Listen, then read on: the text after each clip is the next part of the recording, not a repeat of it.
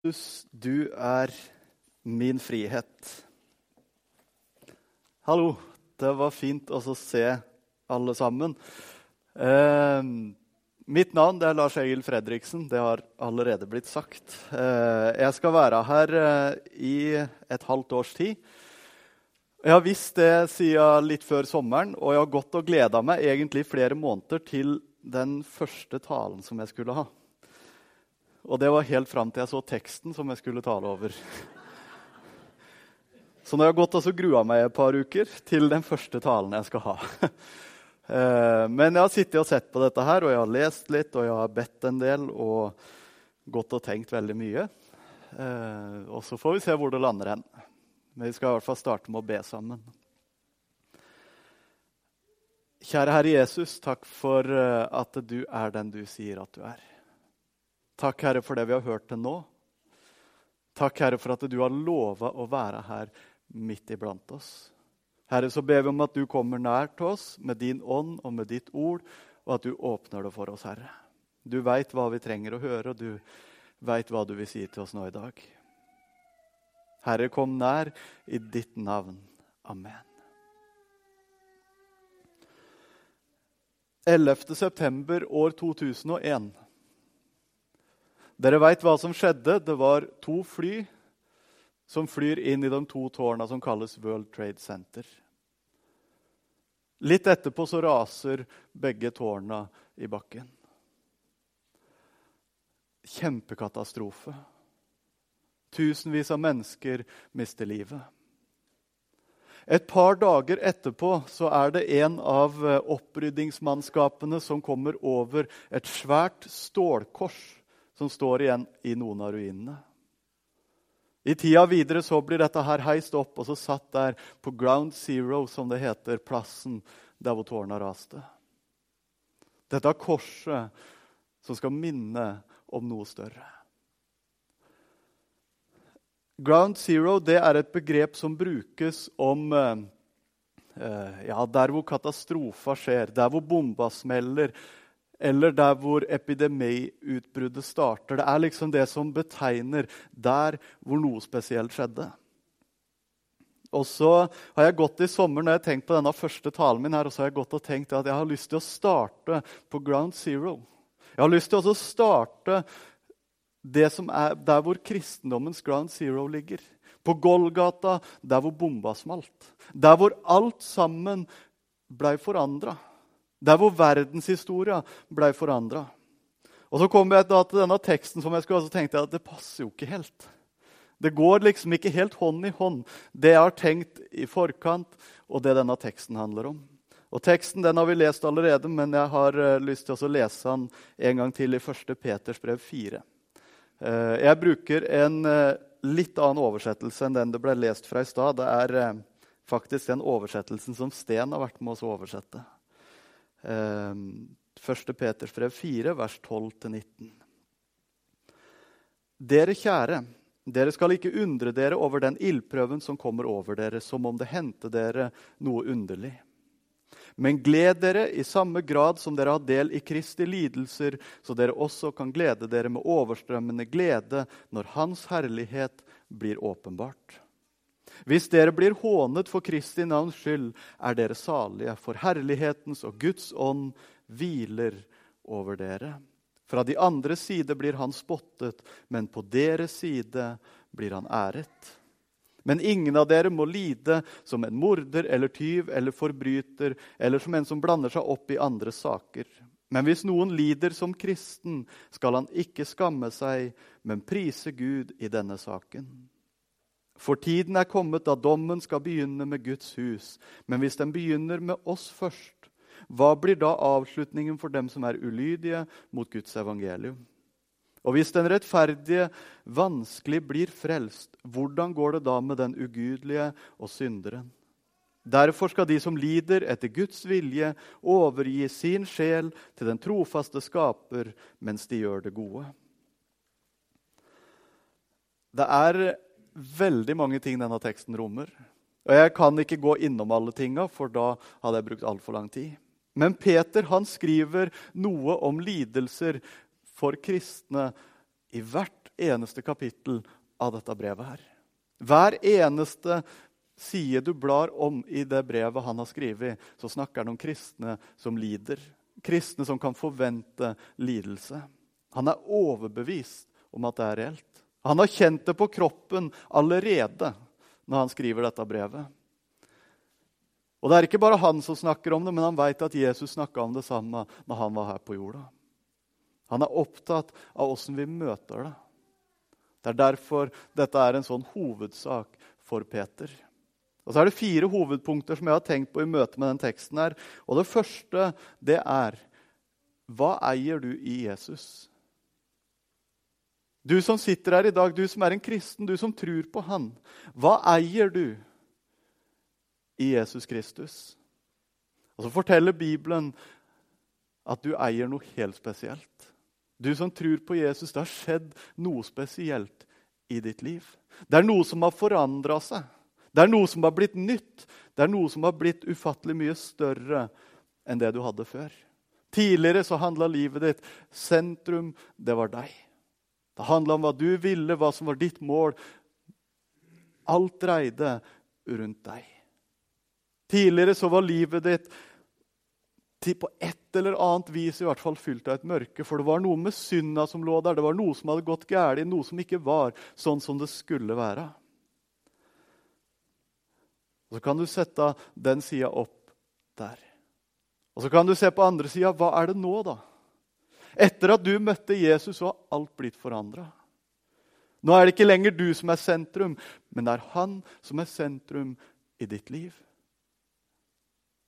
Nå er det ikke lenger sånn at synda skal ligge der og dra deg ned. Ja, det er nok fortsatt synd i livet ditt, men nå veit du at jeg har en frelser som hver eneste dag står klar med ny nåde til meg. Du eier noe helt spesielt. Du har et nytt håp, en ny fred, en ny glede som du ikke kjente tidligere. Det er noe du eier i Jesus som du ikke hadde før. Når du hører om mennesker rundt omkring i verden i dag som blir forfulgt for Jesu navns skyld, så kan du vite at de eier det samme som du har. Det er der grunnlaget ligger for at de blir forfulgt. De har noe spesielt. Det er noe som har forandra seg i deres liv. Det er noe som har forandra seg i ditt liv. Det er noe nytt som setter standarden. Og det er det du eier i Jesus Kristus. Sjølve livet. Johannes han beskriver Jesus i sitt evangelium. Helt i starten der så skriver han, Det er en halv setning som står, hvor du rommer hele beskrivelsen av hvem Jesus Kristus er. Det står i det fjerde verset i Johannes evangeliet. I ham, i Jesus, var liv. Der er hele essensen i din frelser. Det er det du eier i Jesus. Det andre punktet jeg har tenkt på Hva fører det til? Det at du har fått et nytt liv. Det at du har fått et nytt sentrum. Det at du har fått et nytt håp. Det at du har fått sjølve livet. Hva fører det til i ditt liv? Jesus snakka om det, Peter snakker om det, og vi har lest om det allerede i dag. Det får noen konsekvenser. Det er noen prøvelser, det er noen lidelser. Det er noe som skjer med et menneske som kjenner Jesus. Jeg har lest litt forskjellige kommentarer i forhold til dette brevet og denne teksten tidligere i uka. Nå husker jeg ikke hvem det var, men det var en som skrev følgende at veien til himmelen går gjennom trengsler og motgang. Det er ikke akkurat veldig oppløftende. Veien til himmelen går gjennom trengsler og motgang. Å følge Jesus det får noen konsekvenser for ditt liv og for åssen du har det. Det er kanskje lett for oss når vi snakker om det å være en kristen, og det som er vanskelig med det, så går vi lett til å snakke om det jeg gir opp. Det jeg velger bort som en kristen. Det Bibelen advarer imot, og så sier jeg at det er greit. Jeg dropper det. Jeg gir det opp. Kanskje det hadde gitt meg en glede, men jeg velger noe annet istedenfor. Og så fokuserer vi lett på de der enkle tinga som vi legger vekk for at vi ønsker å leve som kristne og vi ønsker å tilhøre Jesus. Men det å følge Jesus det gjør òg noe med hvordan andre mennesker ser på deg. Det er ikke bare det som handler om det indre som du velger, men det gjør noe med hvordan dine medmennesker, dem du treffer, hvordan de ser på deg. Mange mennesker vil få et godt inntrykk av en som møter Jesus og får livet sitt forandra tenker at det er noe helt nytt. det var noe flott. Men du finner òg mange mennesker som ikke tåler navnet Jesus, som vi har synget om nå i dag. De takler ikke å høre navnet, de takler ikke mennesker som ønsker å tilhøre han, og de takler ikke det som handler om kristendommen. Det gjør noe med hvordan andre mennesker ser på deg. Ikke bare det, men når du leser i evangeliene, så leser du om livet til Jesus, og du leser om at han ble forfulgt på denne jorda. Og Da sier det seg egentlig sjøl at vi kommer til å møte akkurat det samme. Dere skal ikke undre dere over at de forfølger dere. De har allerede forfulgt meg. Peter han bruker begrepet 'ildprøven' som kommer over dere når han skriver til sine kristne søsken. Hvis Peter hadde vært her i dag, og hvis han hadde stått på denne talerstolen og snakka til deg og meg nå i dag, så ville han brukt det samme begrepet. Han kunne reist til en del andre land hvor de kanskje merker det tydeligere. Han kunne snakka om en del andre land og en del andre folk som merker det tydeligere. Men jeg tror at han ville stelt seg opp her, han ville sett deg i øya i dag, og han ville brukt akkurat det samme begrepet til deg. Han ville sagt, 'Du skal ikke undre deg over den ildprøven som kommer over deg.' Du som ønsker å tilhøre Jesus. Du som ønsker å være en kristen. Du skal ikke undre deg over det vanskelige som kommer over deg. Det er kostnaden av å følge Jesus. Du vil møte motstand i denne verden. Du vil møte motstand iblant andre mennesker. Det er stor sannsynlighet for at du vil møte noe iblant dine venner kanskje blant din familie. De håner det du tror på. Kanskje de latterliggjør deg for at du velger å bruke søndag formiddag på å reise i kjerka. Tenk så mye annet bedre du kunne brukt tida di på. Så velger du å reise dit og synge om Jesus og høre om Jesus og be til Jesus. Kanskje det vil hindre deg i å få en jobb. Kanskje det vil utestenge deg fra vennegjengen. Kanskje du blir sittende for deg sjøl i noen sammenhenger. Jeg har tenkt på det denne uka. Åssen merker vi det egentlig her i Norge? Hvis jeg skulle gått inn i mitt liv som en kristen, åssen merker jeg det konkret i mitt liv? Denne ildprøva som Peter snakker om. Han har ikke bare sagt det til en liten gruppe kristne. Han sier generelt ut du skal ikke undre deg over den ildprøva som kommer over deg. Åssen merker jeg det i mitt liv, i mitt møte med mennesker? Du kan enkelt høre om det, om forfølgelsen andre steder i verden. Jeg gikk inn og så på Åpne dører. De har ei liste hvor de lister opp de 50 landa i verden hvor det er vanskeligst å være en kristen. Og Så kommer liksom de vanligste først der med Nord-Korea, Afghanistan, Somalia, Sudan, Pakistan osv. Jeg tror ikke det var ett eneste land fra Europa på lista.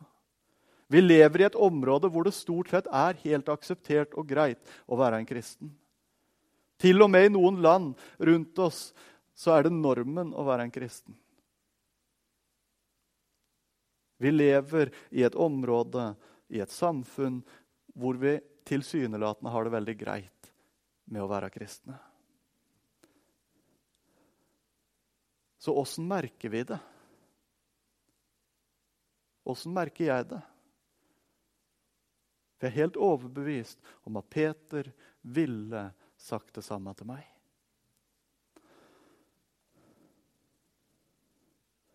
Når Peter skriver i eh, kapittel 4 her, så virker det som at han sikter ikke først og fremst på den fysiske forfølgelsen. Det eneste han nevner helt konkret av måten vi kan lide på, det eneste helt konkret han sier, det er at dere skal ikke være overraska når dere blir håna for Kristi navns skyld. Når dere blir håna. Og så handler det ikke bare om den fysiske forfølgelsen. Det handler om veldig mye mer. Og så kan det være at det er drøyt å kalle det forfølgelse. Men når vi snakker om å bli håna for Kristi navns skyld, da nærmer vi oss mye nærmere noe som jeg har opplevd sjøl i mitt liv. Jeg har blitt håna eller spotta eller mobba eller hva du vil kalle det, for å være en kristen. Jeg har hatt folk som har ledd av meg fordi jeg er en kristen. Sannsynligvis så sitter du her i dag. Noen har opplevd det samme i en eller annen form og hadde vanskelig å bli møtt med latter eller kommentarer eller et eller annet fordi at du velger å være en kristen. Jeg har møtt en familie, eller egentlig flere familier som sliter med at barna deres blir mobba på skolen. Jeg har møtt spesielt en familie hvor en av deres barn de vurderte veldig sterkt å flytte, for han kunne nærmest ikke gå på skolen. Og det var én en eneste ting han ble mobba for, og det ble mobba for hver dag, hvert friminutt, hele tida, og det var at han var en kristen. Til enhver tid, hver dag. Du kan tenke deg når det står en tiåring i skolegården, og klassekameratene står rundt og peker og ler for at han er en kristen. Du kan tenke deg å sitte på kontoret sammen med åtte kolleger, og så sitter de og ler av deg fordi du velger å ikke bli med ut og drikke, eller fordi du mener at du skal vente med sex til ekteskap, eller et eller annet. Så sitter der med kollegaene dine som latterliggjør deg for det. Det er mennesker i Norge, det er kristne i Norge som opplever akkurat det nå i dag og lide for Kristi navns skyld. Og så forteller Bibelen at det er noe av det som en kristen kan vente seg. Det er noe av det du kan vente deg i ditt liv, i møte med dine medmennesker. Ikke undre dere over den ildprøven som venter. Det er så brutalt konsekvensen av å følge Jesus. Og Så kan det være at vi merker det ikke på kroppen sånn som vi tenker at vi kanskje burde gjort det. Vi merker det ikke på kroppen sånn som vi veit at veldig mange andre kristne i verden gjør det. Vi merker det ikke på kroppen på samme viset som Peter forteller om, kanskje. Vi har ikke mennesker som angriper oss fysisk, og kanskje heller ikke verbalt. Men du veit at som en kristen så skiller du deg ut. Du er annerledes på ett eller annet nivå. Det er noe som skiller deg ifra alle andre mennesker. Og det er tøft å stå i en sånn situasjon. Jeg tenker den jeg står her og taler nå, at det virker egentlig rart å snakke om dette her for våre del. Det passer liksom ikke inn, for det er ikke på mange måter så er det ikke sånn det er å være kristen i Norge. Jeg møter ikke dette her daglig. Du møter sannsynligvis ikke dette her daglig. Men samme hvor mye vi snakker om det, så forteller faktisk Peter at det er noe som hører til i kristenlivet. Han sier ikke noe om hvor mye. Han sier ikke noe om hvor ofte. Han sier ikke noe egentlig om hvor det skal være. Han sier bare at det er en helt reell side av å være en kristen. Og Jesus sier akkurat det samme. Du kan gå til Matteus 5 og du kan lese i bergprekena når Jesus snakker om 'salig er du når de forfølger deg'. Når du blir håna og spotta for mitt navns skyld. Det tredje punktet som jeg har tenkt på i dag, det er hvordan møter vi det? hvis det er en reell side av å være kristen at vi må lide for Jesu navns skyld, at vi blir forfulgt på et eller annet nivå, hvordan møter jeg det? Hvordan forholder du deg til det? For hva er den naturlige reaksjonen når du møter motstand eller når du blir håna? Kanskje det er sorg? Kanskje det er motløshet? Du trekker deg tilbake, du veit ikke om du tør videre. Noen reagerer med redsel. Tenk på disse stakkara som må gå på skolen hver eneste dag og vite jeg kommer til å bli mobba. Jeg vil tro det er en del følelser og reaksjoner som beveger seg i tankene på vei til skolen. Noen vil kanskje reagere med sinne, bitterhet. Motstand tilbake er kanskje det første jeg tenker. Hvis noen står og ler av meg og håner meg, og så har jeg lyst til å svare tilbake. Det er mange ting som du kan forvente at Peter skal si. Sånn skal dere gjøre. Dere skal trekke dere unna, eller dere skal vende det andre kinnet til, som Jesus sier. Eller kanskje han hadde skrevet at dere skal svare dem med det og det. Peter sier ingen av de tinga. Peter han sier én ting i møte med dette her. I møte med den ildprøva og forfølgelsen og spotten. Og så sier han to ord. Gled dere. Gled dere. Jesus sier, 'Salig er dere når de forfølger og spotter dere'. Når noen lider som en kristen, så skal du ikke skamme deg, men du skal prise Gud i denne saken. Gled dere. Gled dere når dere blir håna for Jesu navns skyld. Du vet det, Hvis du går til apostlenes gjerninger, og så kan du lese om Peter og Johannes som blir kasta i fengsel fordi at de forkynner om Jesus. Og Så får de beskjed etterpå at dere skal, dere får ikke lov til å fortelle om Jesus. Dere skal ikke si et ord om denne Jesus lenger.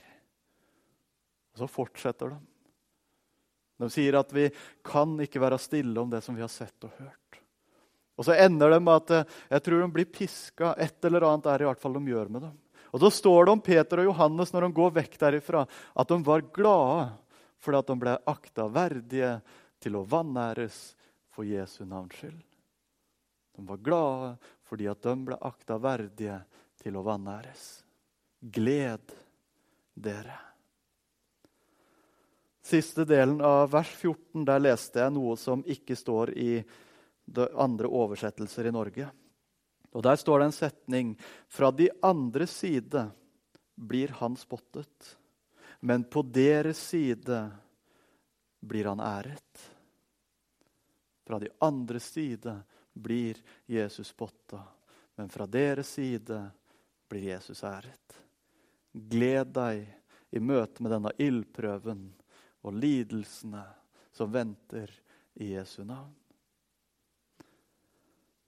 Det var eh, Jeg tror det var rundt eh, år 320 etter Kristus. Så var det at eh, keiseren i Romerriket hadde gitt beskjed at alle soldatene, alle romerske soldater de skulle tilbe en hedensk gud.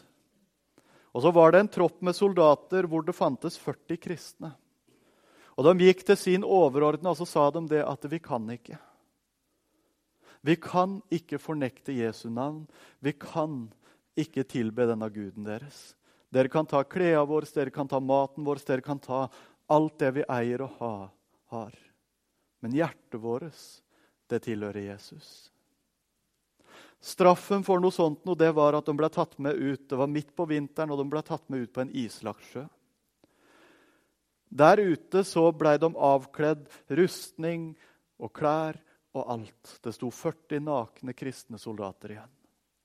Resten av troppen deres trakk seg tilbake opp på land. Og Denne natta så lå de ute på sjøen der og frøys.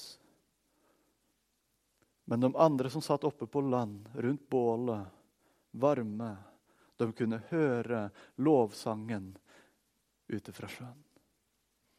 40 kristne soldater som sang til sin frelser. Utover nattetimene så døde én etter én. Til slutt så var det bare én igjen. Han kom krypende inn mot land, så opp på sin overordna og sier, 'Jeg gir meg'. Jeg skal gjøre det. Jeg skal ofre til denne guden deres.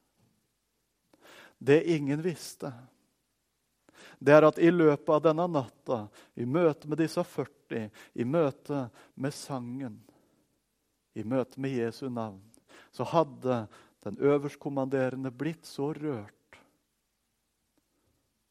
Han hadde sett hva disse eide. At i løpet av denne natta så hadde han tatt imot Jesus som sin frelser.